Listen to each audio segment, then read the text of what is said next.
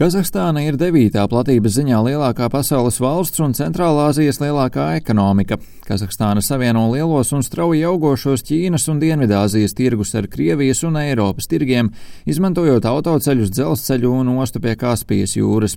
2019. gadā valsts ekonomikas izaugsme bija 4,5% apmērā, bet Pasaules banka lēš, ka šogad ekonomika pieaugs par 3,7%. Kazahstāna ir lielākā naftas ražotāja Centrālā Azijā un otra lielākā naftas ražotāja OPEC plus vadošo naftas ražotāju grupā aiz Krievijas. 2020. gadā dažādie enerģētikas resursi veidoja 21% no valsts iekšzemes koprodukta un 70% eksporta, liecina Pasaules bankas dati. Kazahstāna, kas ir starp lielākajām ogļu piegādātājām, ir gana bagāta arī ar mangānu, dzelzi un chromu, kā arī ir pasaulē lielākā urāna ražotāja, veidojot aptuveni 40% no pasaules saražotās produkcijas. Vairāk nekā puse no Kazahstānas urāna eksporta nonāk kaimiņu valstī Ķīnā. Saspringtā situācija ar nemieriem likusi uz valsti piesardzīgāk raudzīties investoriem, tajā skaitā no ASV. Ekonomists Timotīs Ešs vācu medijam Deutsche Welle sacījis, ka tieši ārvalstu tiešās investīcijas ir Kazahstānas zelta zos. Ekonomiskās saites Kazahstānai ir arī ar Latviju, un 2020. gadā Kazahstāna bija Latvijas 38. lielākais preču eksporta un 64. lielākais preču importa partneris.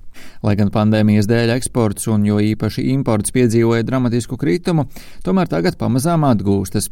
Kā skaidro Vladimirs Samoļenko, Latvijas Investīciju un attīstības aģentūras tehnoloģiju departamenta direktora vietnieks un tehnoloģiju skautu nodaļas vadītājs, pašlaik gan nesot pazīmju, ka nemieri varētu aizbaidīt no valsts Latvijas uzņēmējus, bet pieļāva, ka tirzniecības apjomus tas varētu ietekmēt. Aptuveni simts kompānijas, pat varbūt ka vairāk no Kazahstānas strādā Latvija un otrādi latvieši aptuveni simts kompānijas strādā Kazahstānā tie nemieri, un tas ietekmē diezgan būtiski arī ekonomisko sadaļu, jo cilvēkiem rodas bailes strādāt ar firmām no valsts, kurai ir tādi pasākumi, bet no, no citas puses tie, kuri tur strādā jau sen, es domāju, ka viņi turpinās strādāt, jo, teiksim, tad, kad jums izveidojas jau patstāvīgais partneru loks un visi iet labi, gadiem, tā kā principā kāds būtu iemesls, lai aizietu no tirgus, kuru vietu momentāli aizņemts, piemēram,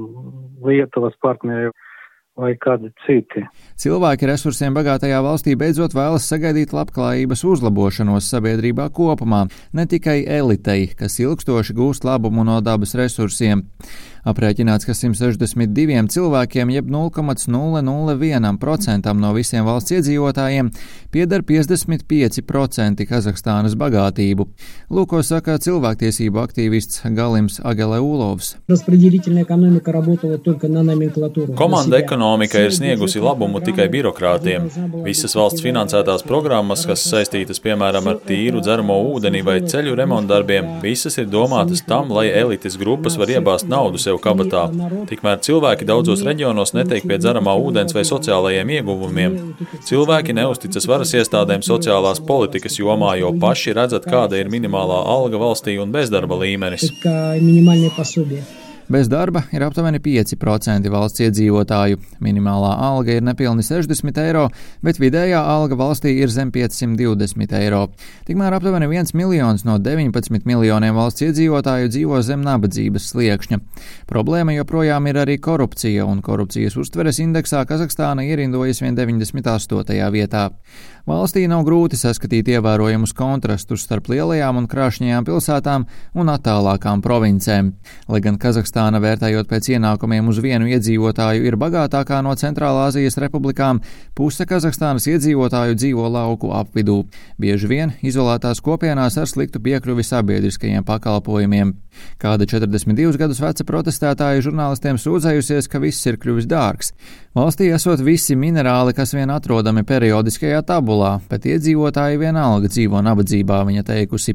Arī Kazahstānu skārusi inflācija, un 2021. gada pēdējā ceturksnī tika pieredzēta augstākā inflācija pēdējo piecu gadu laikā. Ilgstošais vasaras sausums ievērojami audzējis dārzeņu un gaļas cenas. Almatī bāzētā uzņēmuma Seven Air Logistics direktore Oksana Sorokina aģentūrai AFP sacījusi, ka 2021. gada beigas sagaidītas ar preču trūkumu un mežonīgām cenām. Kazahstānas prezidents Kasims Žomards Tokajevs sacījis, ka nekārtību laikā ekonomikai nodarīti zaudējumi 2 līdz 3 miljārdu dolāru apmērā. Kāpēc nemieriem sprieduši atsevišķi vietējās politikas pārzinātāji, laicīga valsts politikas un ekonomikas sakārtošana, kā arī politiķu ieklausīšanās savos iedzīvotājos, būtu izmaksājusi daudz lētāk. Rihards Plūme, Latvijas radio.